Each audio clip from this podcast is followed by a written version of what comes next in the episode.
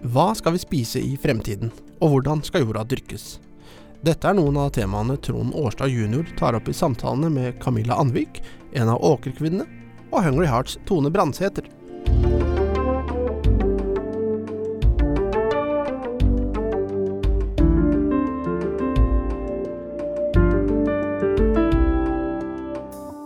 Camilla Anvik, det er utrolig fint å ha med deg i studio i dag.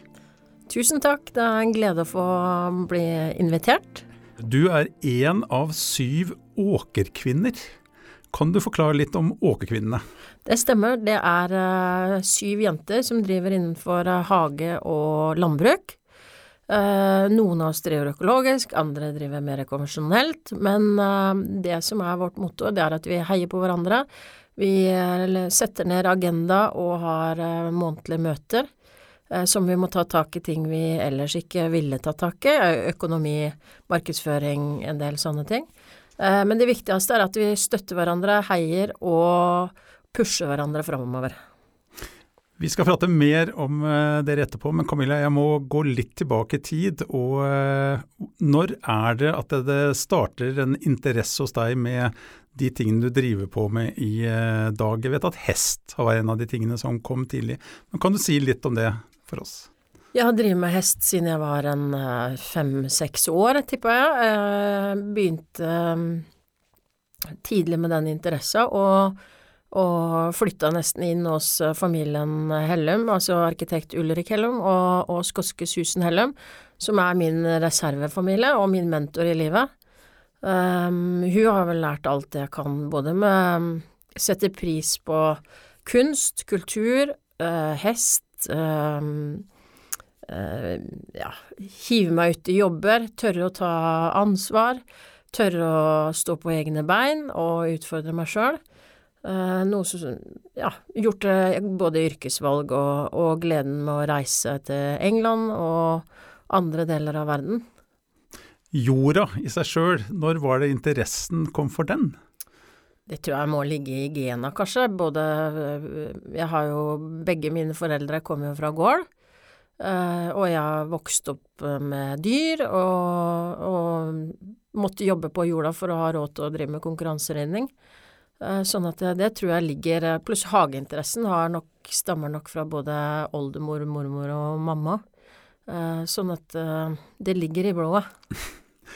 Når det gjaldt yrkesvalg og det du driver på med i dag, da gikk du en helt annen retning. Hva skjedde der? Nei, det var egentlig helt tilfeldig. Jeg studerte økonomi. Jeg jobba på administrasjonen på Sandefjord lufthavn. Og ble egentlig headhunta inn i, i tårnbransjen, flybransjen. Jobba mye med økonomien til tårnet, landingsavgifter og sånne ting. Så jeg syns det der med å jobbe operativt syns jeg var kjempespennende. Sånn at jeg tok utdannelse på Røyken, og sitter i dag og jobber i tårnet på Gardermoen med all trafikk som skjer på bakken, og, og meteorologibiten med å sende vær og brife. Men I dag er det frukt- og grønnsakstrafikken og blomstertrafikken i Brunnalnes som også er et veldig stort felt for deg. Men hvis vi tar da det som du har fokusert på de siste årene, jeg forstår at du er veldig opptatt av bærekraft, at det ligger i bunnen her. Kan du si litt om hva det som har gjort at det er blitt så mye rundt bærekraft, og dine tanker rundt det? Jeg tror nok det at jeg er over middels interessert i å lage mat og spise mat, og det gjør noe med de råvarene du, du bruker. Så ser du det at jorda på en måte blir uh, brukt i overkant mye. Uh, pluss at jorderosjon, at når det blåser så ser du sand, det er egentlig bare sand igjen. Uh, sånn at jeg er opptatt av, siden jeg også driver med dyr, det der med å bruke kompost, høybed, opphøyde bed, um, mindre bruk av traktorer og sånne type ting for å få enda bedre jordliv og lære folk å bruke grønnsaker og blomster etter sesong. Sånn at du kjøper eller lager det du skal bruke, og kan heller kjøpe igjen, dyrker igjen. Sånn at en tenker på en annen måte. At nå er det aspargestid, da spiser vi asparges. Og så kan vi heller spise rotgrønnsaker når høsten kommer. Så det er min, min fanesak. Men hvis vi tar og ser på en sesong i Brunlandnes, hvor lang er sesongen hvor det går an å bruke jorda? Jeg hadde De første urtene og grønnsakene hadde jeg faktisk i april, eh, i salg. Eh, og siste levering i fjor var like før jul, hvor jeg leverte spiselige blomster, gulrøtter og grønnsaker til eh, en av de veldig kjente restaurantene i Oslo. Så Brunlandnes har vel en, en av de lengste sesongene. Eh, hvis du da går ut i den en hagen din og der hvor du tar og planter og har ting i jordet i dag, fortell oss hva kan vi finne der? Jeg har um, driver ca. 2,5-3 mål, så det er ikke stort foreløpig. Jeg har akkurat lagt til 11 til til DBO-godkjenning. Uh, noe som jeg er veldig stolt av, å kunne um, drive økologisk på, på, sikt, eller etter økologiske prinsipper. Um, I min hage så finner du et, et rikt uh, variasjon av uh, både blomster, spiselige blomster, snittblomster og grønnsaker.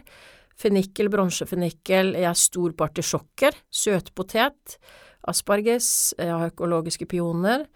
Uh, jeg har masse morsomme reddiktyper, beter, um, urter av alle slag, wasabi og shiso. Eh, japansk. Jeg har ei som heter Sakura, god venninne, som har hjelpa til. Egentlig jobber i SAS, eh, permittert. Og vi har syns det er spennende så mye japanske ting, så en del av Asia finner du faktisk i hagen i skjærgården. Så flott. Og økologisk, hva er din definisjon på den økologiske måten å produsere på? Ja, for, for meg så, så er det ikke det er ikke det viktigste at det er økologisk, egentlig, men, men tanken på å bruke mindre um, fullgjødsel, eller altså sånn type gjødsel, og ikke bruke sprøytemidler, men å, å, å, berike jordlivet og få jordlivet til å jobbe for deg, sånn at de har nok mat å spise på av kompost og av røtter og systemer, er for meg superviktig. Og det ser du på kvaliteten, lukta på plantene og grønnsakene, Uh, og de kreftene som er i, er i, de plantene, og noe som kokkelandslaget har satt veldig stor pris på. Så jeg forstår at eh, Gunnar Warnes han eh, har tatt deg eh, absolutt inn i varmen. Mm. Og eh, har de på retter som de brukte på Bocuse d'Or, har de brukt eh, spiselige blomster? Ja, de har brukt både, både grønnsakene fra, fra skjærgårdssangen og, og spiselige blomster. Uh, dillen blei jo veldig mye brukt, krondillen. Så det, den er blitt viden kjent. Nå jobber jeg med, med kokkelandslaget opp mot VM og OL. Uh, stor satsing. Så det er kjempespennende. På de elleve målene som du skal prøve å få på, på plass nå, hva, er, det, er, det, nye ting som kommer der, eller er det mer av de tingene du har uh, pratet om? Um, jeg var nok I april så var jeg nok en av de få i landet som uh, har prøvd seg på eh, tulipaner, og at du kan faktisk gå og pille dine egne tulipaner, også til spiselig marked. Eh, så jeg kommer til å fortsette med å ha blomstereng, med, med hvor du kan ha selvplukket blomstereng, rett og slett for å begynne å Uh, og en del um, kløver også inn i den enga, sånn for å prøve å få fart i jorda igjen. Så blir det masse spennende solsikkeslag og masse spennende gresskarslag. Ja, og så plutselig så kommer det noe nytt òg. Men dere sju eh, åkerkvinnene, det, dere har satt i gang også eh, Reko-ringen i Brunalnes. Mm. Det må høre litt om hvordan, hva er opplegget rundt det? Det, det var egentlig det at vi trengte en salgskanal til våre eh, grønnsaker, og jeg syns jo det er Det der er fra jord til bord, det er jo mitt uh, slagord. Det der at du skal treffe kunden din og fortelle historien om uh, om keiserløken, eller, eh, eller lage morsomme navn. Uh, gjøre de grønnsakene en dyrker spesielle. Uh, fortelle den historien hvordan det er å dyrke det, og hvorfor de smaker bedre. Og det er helt fantastisk hvor mange nisje, nisjefolk som vi har som lager både ost og fantastiske kjøttprodukter. Baker ting, olivenoljer er kjempemoro, og derfor så satte vi i gang Brunlandesrekkoen. Men olivenolje, hvor eh, Altså, man lager olivenolje her i eh, Larvik? Nei, det her er faktisk en familie som har olivengård i Italia. Oi, Og ja. kommer til Brunlandes Reko og selger, så det er kjempemorsomt. ja. Det var flott å høre. Men jeg er litt eh, spent på det her med hvordan folk tar imot de nye produktene. Spiselige blomster. Eh, møter du motforestillinger, eller eh, hva er greia? Nei, det skal jo som Hver blomst har jo sin smak. Så det, eh, sånn som nå er det alium som er i sesong, og den smaker kanskje litt kålrabi med litt sånn løksmak. Fantastisk i bruk etter kokkene elsker den, og bruker til feinschmecker dining. Um, men den er nydelig i salat, eh, og kan også være pønt. Um, og ungene elsker å, å prøvesmake blomster. Uh, sånn at uh, Og nå i koronaen så har jeg liksom oppfordra ja, de på dattera mi alder, sånn 17-18, altså gå sammen og lag smoothie og pynt med spiselige blomster og ta fine bilder og gjør noe morsomt ut av det. Altså ungene er jo veldig på det der med sosiale medier, og det er veldig instavennlig med spiselige blomster. Så Men det er noe med å pynte maten, det skal se moro ut, og det, eh, det blir en ekstra opplevelse å spise. Men det her med å få det her til å fungere, og perspektivet på Du nevnte selv eh, økonomi osv. Er folk villige til å betale det de eh, burde gjøre for sånne typer produkter? Jeg tror fremdeles så, så sitter det nok eh, litt i å betale for grønnsaker. For vi har vært så heldige å ha billig, altså ikke billig, men tilgjengelige grønnsaker til en eh, for lav pris, da. Eh, og når du vet på en måte hva, hva eh, hvor, mye tid du bruker i hver grønnsak, eh, så, så, så koster det å lage gode kvalitetsprodukter. Eh, Men jeg tror nå med, med korona og, og folk eh, kan komme i hagen og se, se hvordan det dyrkes, og, og prøve sjøl å dyrke og ser egentlig hvor vanskelig det er, eh, så tror jeg de også får en annen eh, oppfatning. eh, Og setter enda mer pris på de produktene som vi, vi selger. Men inspirasjon, og det som gjør at det du setter det her sammen og får det her til å utvikle seg, bevege seg videre, hvor, hvor tar du inspirasjonen fra? Eh, Jeg er nok eh, Jeg følger nok en del podkaster fra, fra England, faktisk. Eh, Både Charles Downing, Downing eh, med, med No Dig Gardening og Land Gardeners i jentene i England som er opptatt av mikrolivet og, og snittblomstproduksjon. Um, få liksom at det skal være friske blomster som er, eh, er bærekraftig laga. Uh, så er jeg jo eh, ja, bruker de mediene vi har, sosiale mediene, for å hente inspirasjon både i innland og, og i utland. Men tilbake til de eh, syv andre åkerkvinnene og Rek og Ringen, hva dere har fått til. eh, Har dere noen tanker ellers om hva som kan bli eh, veien videre for, eh, for dere? Eh, Vi har jo tro på, på å satse sammen kan skape både arbeidsplasser og, og et, et større mangfold i Brønnlandnes, både for de som bor her og turister. Eh, Så har vi jo sett på både Mjøsgårdene og hvordan de får det til, og Ostebygda og Den gylne vei. Um, og leker litt med tanken på hva vi kan egentlig være med de stoppestedene vi har fra Stavern til Nevlunghavn. Um, så um, vi skal nok inn i en strategiprosess til høsten og se hva kan vi gjøre videre. Uh, hvordan kan vi inspirere andre. Camilla, det er en ting jeg kom til å tenke på nå, det er det her med eh, For å få alt det her til å fungere med jorda og i hagen, altså insekter, bier osv., må du gjøre noe der, eller er det en naturlig greie?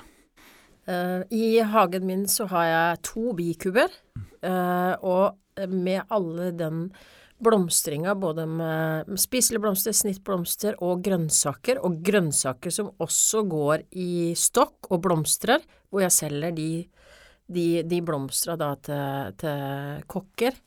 Um, så er det et enormt Det yrer av liv, både med sommerfugler, pollinerende vekster, bier og humler. Um, og det, det gjør også at, plantene blir sterke. Uh, jeg har lite problemer med, med forskjellige skade, skadedyr, faktisk. Uh, og de er, holder seg skikkelig kraftige og fine både med mikrolivet i jorda og soppene som kommer inn i jorda, mykorrhizaen, uh, og alle insektene utafor som er på Mømse. Og, og, det er jo en ting som vi Som er egentlig trua, og som, som er, ligger hjertet mitt nær, å ta vare på insektene med blomsterrenner i åkre og, og heier på det. Og åkerkvinner, vi vi heier på, på bienes stoppesteder i Brunanes, og de fleste av oss har bikuber i hagene sine. Eh, så både Kryssgården har jo enda flere enn meg eh, som driver med epleproduksjon. Og, og, men, men, det er noe som alle åkerkvinnene har som mål, det er å ha bier, bikuber i hagen. Så det at det, det summer i området deres, da er det egentlig bare en fin ting? Det, er, eh, det må vi ta vare på, insektene. Ellers så får vi ikke verken grønnsaker eller blomster å, å nyte i livet. Og det er åkerkvinner det kommer til å være, det er ikke noen åkermenn som driver inn i, inn i her? Mm, vi har jo en fetter som, eh, som, sa opp jobben sin i Toyota og kjøpte 750 brune høner, for han syntes det er spennende med åkerkvinnene. Uh, så vi har ledd litt av det at det blir åkerfolket. Men jeg har tru på åkerkvinnene, og så er han med på Rekon, og, og, og vi heier på han også. Men, men uh, det konseptet er, uh, har blitt spennende, så jeg tror vi kan som sagt inspirere mange andre innenfor landbruk og jenter og Eller folk som trenger egentlig bare det der å ha et nettverk. Og da må jeg si også Colab og og gründeriet og, og være i et gründernettverk mm. eh, har vært helt avgjørende for at vi skal liksom få den, og Innovasjon Norge også, eh, få den hjelpa og, og, og, at vi har et forskjellige mennesker vi kan sperre med. Det er eh, sånn som nå, hvor det Vi er jo 350 år i Larvik, Larvik by, og vi jubilerer. Og så tenker vi også litt eh, framover. Jeg forsto at det barn også har blitt engasjert i eh, det her med å tenke eh, økologisk, eller tenke på å få ting fra jorda på bordet. Kan du si litt om mm. Eh, det? Uh, altså Det der med skolehage er jo veldig i tida. Uh, og jeg har også vært med på å, å, hjelpe både barnehager og skoler med å så nå den våren her. Uh, særlig det der med spiselige blomster, uh, hvor de har satt i gang et, et prosjekt og fått frø og jord og forskjellig fra kommunen. og har satt i gang med det derre dyrkegleden som, som, vi trenger. og det er noe med å jobbe i jorda, lære ungene å jobbe i jorda og se hvordan ting blomstrer og gror og, og blir til noe fint. Eh, og det skal vel også pryde da herregården videre i sommer, eh, og det syns jeg er supermoro. Men hvis du da tar ungene, tar uh, unge voksne og de voksne og eldre, hele rekka, hva er din følelse? Er folk i ferd med å få noe endring, mentalitet på hva vi kan hente ut av jorda og få på bordet? Mm. Jeg tror folk setter mer pris på nå når jeg er hjemme og, og, og holder på med noe, eh, pluss at vi har ikke kunnet reise mange steder, så folk har brukt mye penger på både å pusse opp og, og dyrke og og jeg prata med Nelson Garden også, det er jo nesten utsolgt for jord, og, frø har vært kjempepågang.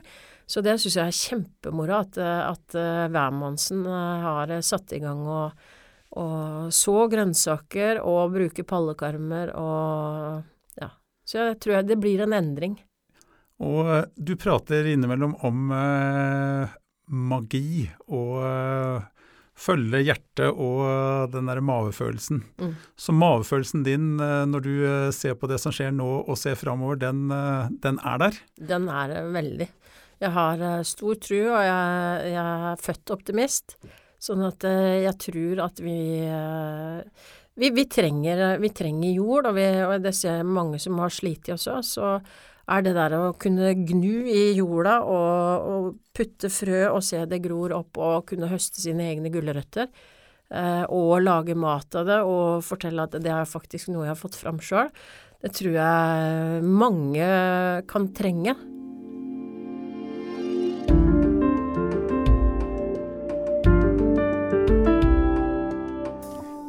Anne Brandsæter fra Hungry Heart. Det er bare en fornøyelse å ha med deg her i studio i dag. Tusen takk.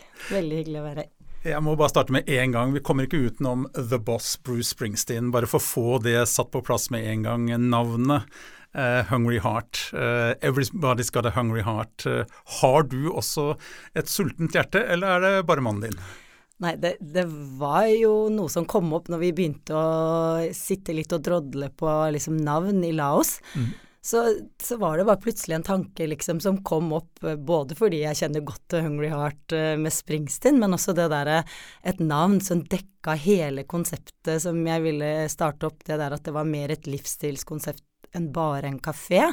Så det et sultent hjerte, liksom, når vi oversetter det, det liksom dekte mye av alt det som vi kan være sultne på, liksom. Livsstil, helse og, og matkurs og alle de aktivitetene vi skulle ha liksom på huset. Eh, jeg tenker på en Bruce Springsteen-låt til, ja, når jeg tenker på deg. 'I'm On Fire'. For det virker som du har en lidenskap som er utrolig sterk på det området her. Er det noe, er, Har det vært sånn hele livet? Jeg, jeg har nok eh, vært en liksom aktiv og nysgjerrig liksom helse helsefrik, på en måte. Jeg, har alltid vært liksom nysgjerrig på helse og hvordan en kan påvirke det liksom på flere måter. Jeg jobba veldig, veldig mange år eh, med liksom eh, den store interessen min, som var trening.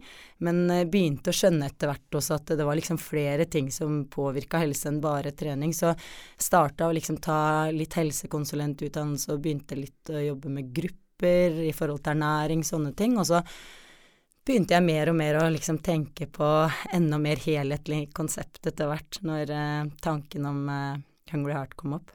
Men før Hungry Heart så var det jo flere utenlandsopphold som virker som har hatt en påvirkning på det her. Kan du si litt om det?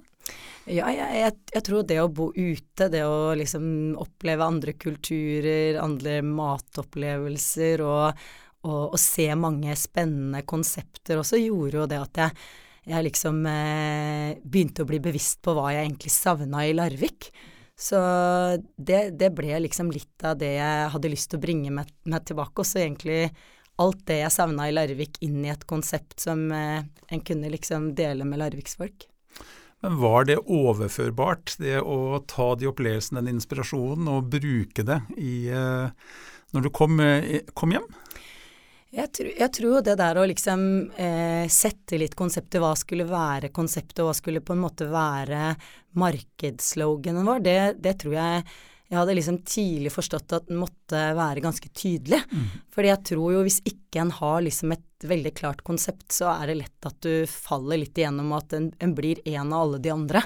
Så, så det å liksom eh, finne ut hva skal jeg være, hva er mitt konsept, og hva skal det inneholde, sånn at folk også når de kom til Hungry Heart, visste hva de huska oss for, på en måte. Eh, det, det, ble viktig, og der tror jeg liksom markedsslogan, i hvert fall som var å inspirere og glede eh, larviksfolk til et litt sunnere liv, da. Um, Men var eh, dere, Du kom tilbake, og det, i 2014 så startes uh, Hungry Heart. Hva, hva, hvordan var det, det her å skal komme tilbake sitt uh, egen by og så uh, rett og slett bli profet i egen by? Hvor trengtes det mot til det? Ja, det, det var jo noe helt nytt for meg å, å, på en måte skulle drive et konsept. Jeg hadde liksom alltid jobba med å inspirere mennesker, enten det var med trening eller eh, livsstilskurs og sånne ting. Men det å liksom gå til å drive noe eget, det, det var et stort sprang, liksom. Så det jeg også prøvde der å, å være litt ærlig på, var å se hva hva er jeg god på sjøl, eh, og hva trenger jeg andre folk til å bidra med i et sånt eh, nytt konsept. Så jeg fant liksom ut hvilke mennesker som måtte være litt støttespillere, og begynte ganske tidlig eh, i året før å liksom lage en liksom plan på alle de menneskene som jeg trang å ha med, og eh, begynte også å liksom kikke litt på logo, forberede meg så godt jeg kunne fordi vi kom hjem sommeren 14, 2014, eh, og da starta jeg opp i september eh, med Hungry Heart. Larviksfolk, vi eh, anses som å være ganske trauste. Hvordan eh, var det i starten? Var det mulig å overbevise folk om det, at det, det dere hadde å tilby var, eh, var verdt turen? Jeg, jeg, tror jo eh, at eh, det å tenke litt mer helhetlig enn kanskje akkurat det en, en ville gått for eh, bare selv, da, eh, ble viktig for meg. Men også da å tenke litt større at det jeg skal eh, ha nå, det skal være ekte. Det skal være litt eh, inspirerende og nytenkende for folk. Eh, men også ikke for snevert, sånn at det ble for spissa konsept, eh, så ikke det nådde alle. Men det å liksom i hvert fall ha ekte varer, lage alt sjøl, ha et konsept som på en måte kunne tilby eh, alt fra liksom sandwicher til de grønne, friske salatene, det, det tror jeg har vært veldig riktig. Eh, fordi jeg kunne starta en raw food-bar, men det ville gått kanskje til nød i Oslo eller i New York. Eh, hvis en skulle liksom eh, treffe enda litt eh, flere folk, så, så tror jeg konseptet var egentlig veldig riktig. Når du sier da eh, ekte varer, eh, hva er mulig å bruke av det som finnes i, eh, eh, som kommer fra Larvik? Kan du bruke mye av det inn i eh, det dere gjør? Vi, vi har jo etter hvert nå knytta oss til liksom så mange lokale produsenter når det gjelder grønnsaker og, og andre typer produkter. Det jeg så fort, var jo det der å, å skulle være på en måte 100 økologisk. Eh, kanskje ikke var så realistisk, men jeg tror også nå når vi har sett på liksom verdensbildet og helsebildet, at det å, å bruke lokalt kan være vel så bra og miljøvennlig. Eh, Så det har vi landa på mange liksom, løsninger på, at istedenfor å gå 100% økologisk, så har vi heller da retta oss mot lokale produsenter og, og kunne bruke det kortreist. Så, og det betyr kanskje at det, på sommeren så er det et, et godt innslag av ting som kommer fra Brunlandnes eller hele Larvik, kanskje? Absolutt. Så det, da har vi knytta oss til liksom noen av bøndene rundt der. Vi har kjøpt honning fra Lågendalen og liksom prøve å, å bruke så lokalt som mulig, eh, og i hvert fall norskt. Eh, Det er jo litt begrensa hvor lenge liksom en har norske grønnsaker, men eh, i hvert fall så lenge det, det går. Og så liksom litt kompromere i forhold til Gå på ko- kompromiss med, med andre typer ting enn vi tar inn, da, at det liksom er økologisk hvis mulig. Så liksom sitroner og ingefær og, og gurkemeie, som vi selger kjempemye av, det er liksom gitt at må det, det må komme. Ja. Ja.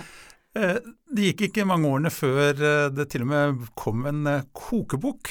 Rett og slett mat for sultne hjerter. Er det, er det noe som kommer som et produkt av bare av Hungry Heart og miljøet Hungry Heart, eller er det noe mer enn det? Det, det har vært liksom en, eh, en blanding av, av maten vi lager på Hungry Heart, men også masse inspirasjon fra alle reisene vi har hatt. Og opp, matopplevelser med gode venner, så jeg har liksom oppskrifter som er Åsne salsa og, og, og, og oppskrifter jeg har tatt fra, fra liksom hyggelige middager som vi har blitt servert rundt omkring. Og Det går jo da inn i det miljøet som er på Hungry Heart, men jeg må spørre deg om det her med den urbaniteten, for eh, det er jo faktisk en bakgårdskafé. og i i Larvik er man veldig opptatt av utsikten, og da er eh, utsikten kan du si kanskje mennesker i, Ja. den, eh, i den bakgården. Men eh, hvordan gikk du fram for å skape et sånn type miljø og få det til å fungere? Jeg tror jeg liksom også der tenkte litt på hva jeg hadde savna litt i Larvik, og som jeg tenkte at i hvert fall alle som har kanskje bodd litt ute, eller kom hjem som studenter fra Oslo, eh, ville liksom se etter. Og, og jeg tror det jeg savna mye når jeg bodde i Larvik, var et sted hvor jeg kunne komme tidlig om morgenen, hvor det var et kaffemiljø, en kunne ta med seg en kopp før jobb, fordi de fleste steder åpna klokka ti. Og for meg så er det liksom lenge etter første kaffekoppen. Så det var, det var noe fantastisk å, å se at liksom det der morgenpulserende med alle de som kom innom eller satt i vinduskroken og leste avisa og tok kaffekoppen, det har, det har blitt et Og det tror jeg har liksom snudd en trend i Larvik, det at vi har skapt et liksom mellom åtte og ti hos oss kan det være kjempebusy og liksom kø for å hente seg en kaffe eller noe frokost. Så det er gøy. Men en dag for deg og gjengen din, Uh, hvor mange timer legger du f.eks. ned uh, på jobb?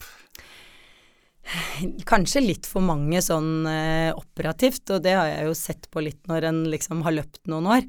Så jeg fikk merke det litt i fjor også, da vi utvida liksom konseptet til å servere og starte litt eh, eh, utvida liksom eh, i forhold til Abax og kafé og kantine der, så, så, så merka jeg jo det at det liksom timene gikk eh, fort, og at eh, en hadde løpt mye, liksom. Så jeg har blitt mer bevisst nå på å også bruke meg av de flinke som har vært hos meg lenge, og lage litt liksom ambassadører med ansvar der. Så mm. det har hjulpet meg veldig nå det siste året å liksom lage litt eh, sånne små pusterom.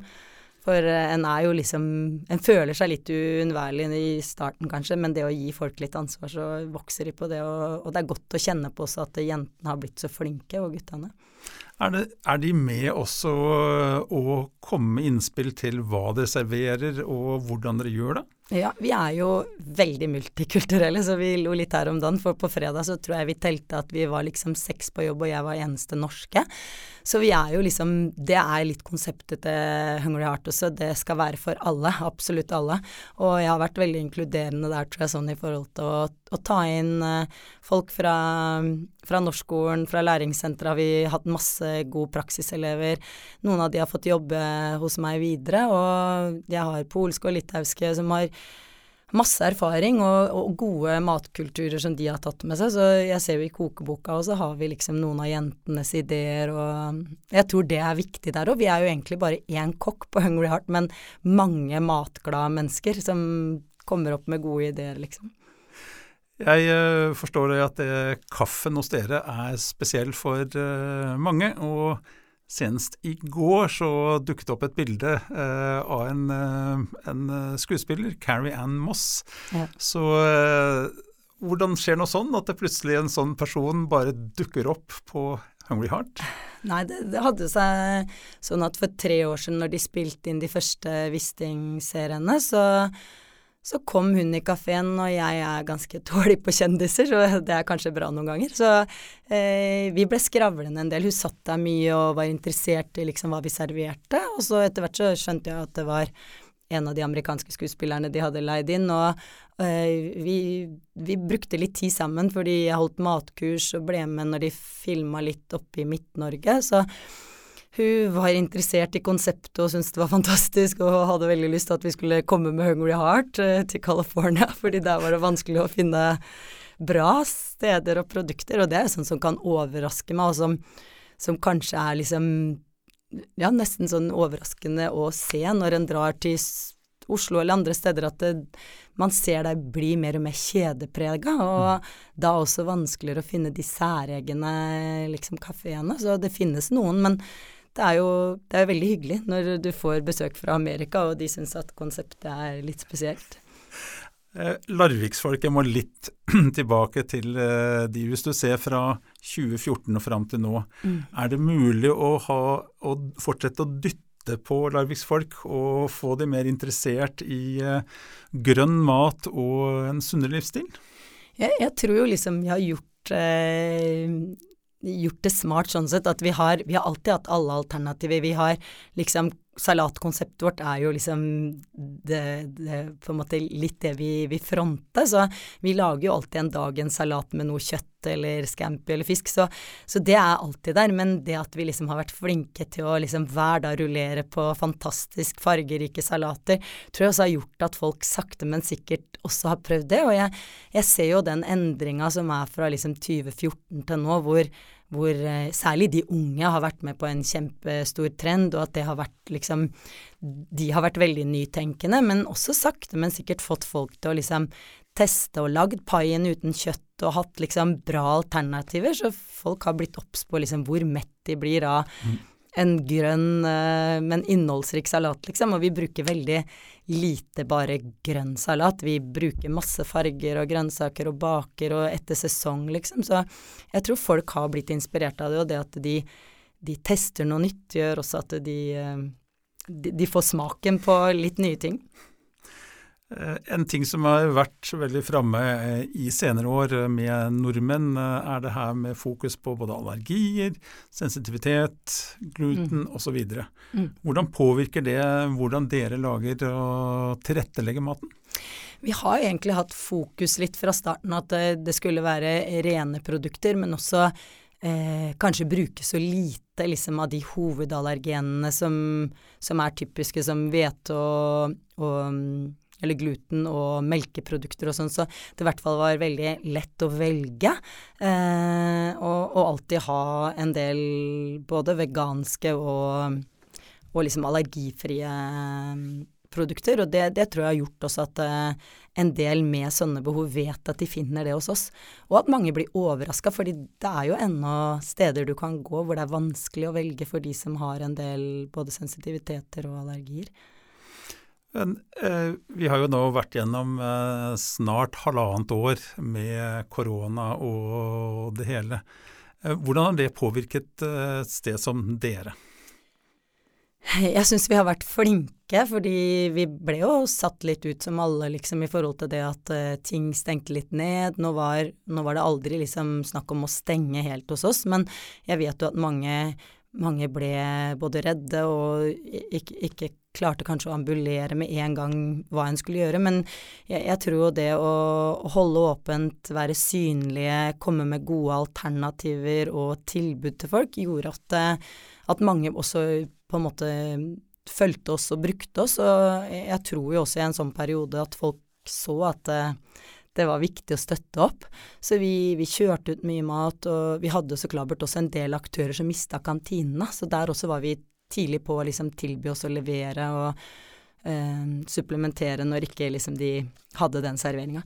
Så, så vi, vi, har eh, første gang i år eh, gått bra, positivt eh, resultat. Så det, det, er jo litt sånn egentlig rart etter et sånt år, men det er også og så tror jeg fordi vi var smarte og gjorde bra ting.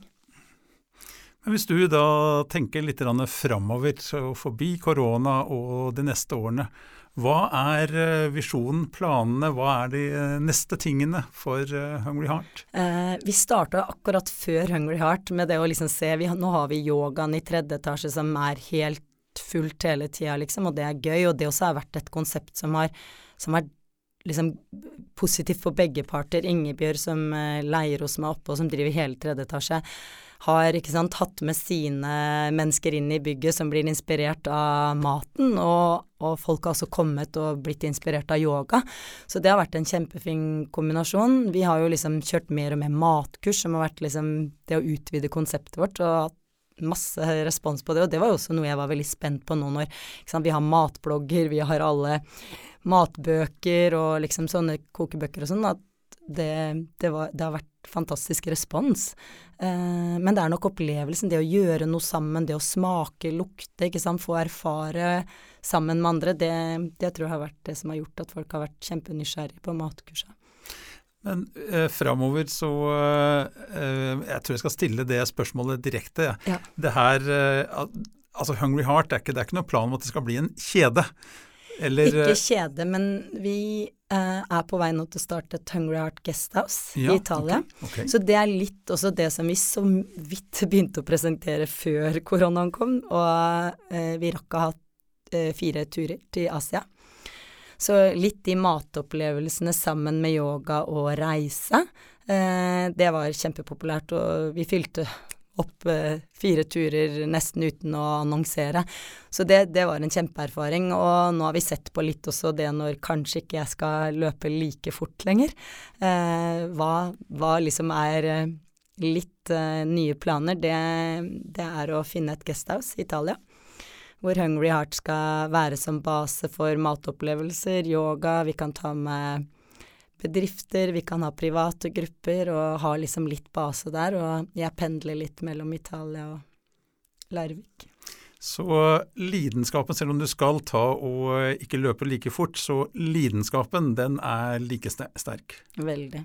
Like on fire. Ja, og jeg, jeg tror det der å, å, på en måte brenne for, for god helse, det, det, kan man gjøre på mange måter. Men jeg tror det der å, å klare å eh, både følge trenden, men også holde på det litt sånn ekte jordnære konseptet vi har, fordi det er veldig lett å la seg styre. Og vi har vært ganske sånn monopol i Larvik. derfor har vi også vært veldig på å ikke miste liksom fokus. Mm. Fordi nå kommer heldigvis to fantastisk nye steder, og det tror jeg er kjempebra for Larvik og for oss. Eh, og da er det enda viktigere å vise hvor, eller tydelig hvor konseptet vårt eh, er. Det var det vi hadde i denne episoden. Takk til Trond Årstad jr., som hadde ansvaret for innholdet og intervjuene. Og takk til åkerkvinne Camilla Anvik og Tone Brandsæter fra Hungry Heart. Følg oss gjerne på Facebook, Larvikspodden Ropert eller Vi350. Du finner også Larvikspodden på Spotify og der du laster ned podkast. Ansvarlig for podkasten er Foreningen Ropert. Produsent Virvel AS.